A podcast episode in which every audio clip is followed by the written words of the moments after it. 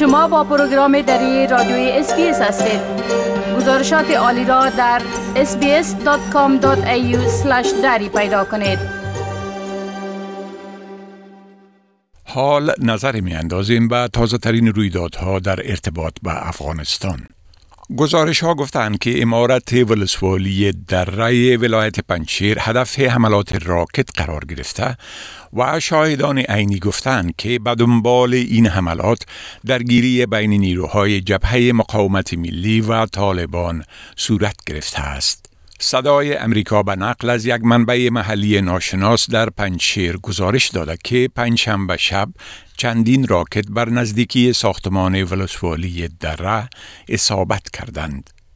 این منبع افزوده که برخورد این راکت ها در محوطه ولسوالی مذکور باعث آسیب به کسی نشده اما بعضی از باشندگان زخمی شدن یک عضو طالبان را ادعا کردند. آنها همچنان گفتند که در اثر این حادثه فیر راکت ها یک موتر طالبان هم کاملا از بین رفته است. در گزارش گفته شده که این درگیری ها بیش از یک ساعت ادامه داشت و افراد جبهه مقاومت ملی افغانستان از قسمت های بالای یک کو بر این ولسوالی حمله کردند و پس از درگیری دوباره محل را ترک گفتند. هنوز در مورد تلفات ناشی از آن چیزی گفته نشده است. مقامات محلی طالبان درگیری افرادشان با جبهه مقاومت ملی افغانستان در پنچیر را تایید نمودند ولی جزیات بیشتر ارائه نکردند. این در حال است که گفته می شود حملات نیروهای جبهه مقاومت ملی افغانستان در هفته های اخیر در بخش های از ولایات پنچیر، کاپیسا و ولسوالی اندراب ولایت بغلان افزایش یافته است. گزارش ها می‌گویند که بانک جهانی پیشنهاد را برای ارسال 600 میلیون دلار پول راکت شده افغانستان به آن کشور به هدف رسیدگی به بحران اقتصادی و آموزشی منظور کرده است. بیشتر از یک میلیارد دلار پول صندوق امانت بازسازی افغانستان در بانک جهانی منجمد باقی مانده است. صدای امریکا به قول از خبرگزاری ریوترز گفته که قرار است یک هیئت بانک جهانی این پیشنهاد را به تاریخ اول ماه مارچ بررسی کرده و تصمیم نهایی را در مورد پرداخت پول اتخاذ کند. بانک جهانی که در حال حاضر مسئولیت اداره صندوق امانت بازسازی افغانستان را به عهده دارد در صورت تصویب نهایی این پولها را به ادارات مختلف ملل متحد از جمله صندوق وچی ملل متحد برای اطفال یا یونسف و سازمان غذایی و زراعت انتقال خواهد داد تا به مشکل اقتصاد متزلزل آن کشور رسیدگی شود. پیش از این بانک جهانی اعلام کرده بود که تمویل کنندگان صندوق امانت بازسازی افغانستان موافقه کردند که 280 میلیون دلار از پولهای منجمد شده به برنامه جهانی غذا و صندوق وچی ملل متحد برای اطفال به منظور تهیه برنامه های غذایی و صحی در افغانستان منتقل گردد. این تصمیم پس از آن اتخاذ شد که انتونیو گوترش سرمنشی سازمان ملل متحد ماه گذشته از شورای امنیت سازمان ملل خواست تا یک هشاره دو میلیارد دلار باقی مانده راکت شده را برای کمک به مردم افغانستان آزاد کند.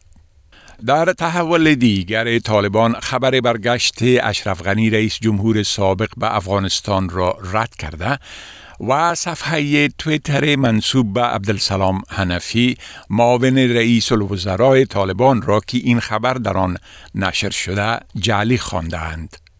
در صفحه تویتر منصوب به آقای حنفی آمده که قرار است آقای غنی با شمار از همکارانش برگردند و در آغوش مادر وطن زندگی کنند. در این توییت به گفته طالبان جعلی ادعای این گروه در ارتباط با اعطای عفی عمومی به همه افغان ها هم تکرار و گفته شده که برای هیچ افغان محدودیت و تهدید وجود ندارد و همه می توانند به وطنشان برگردند. اما زبیح الله مجاهد سخنگوی حکومت طالبان در پیام نگاشته است که این صفحه تویتر که به نام مولوی عبدالسلام حنفی معاون ریاست الوزراء ساخته شده جعلی می باشد این در حال است که طبق گزارش بی بی سی پیش از این سلام رحیمی رئیس دفتر سابق اشرف غنی و وزیر دولت جمهوری افغانستان در امور صلح به کابل برگشته و با شمار از مقامات بلندپایه طالبان ملاقات کرد. گرچه طالبان بارها گفتند که پس از اعلام عفی عمومی هیچ کسی را خطر تهدید نمی کند سازمان های حقوق بشر این گروه را به کشتن بیش از 100 تن از نیروهای امنیتی سابق افغانستان متهم کردند. در اواخر این هفته خبر مرگ مختار مجید آوازخان مشهور افغانستان باعث تأثیر فراوان در بین هنردوستان شد و هنرمندان و کاربران شبکه های اجتماعی افغانستان به آن عکس عمل گسترده نشان دادند.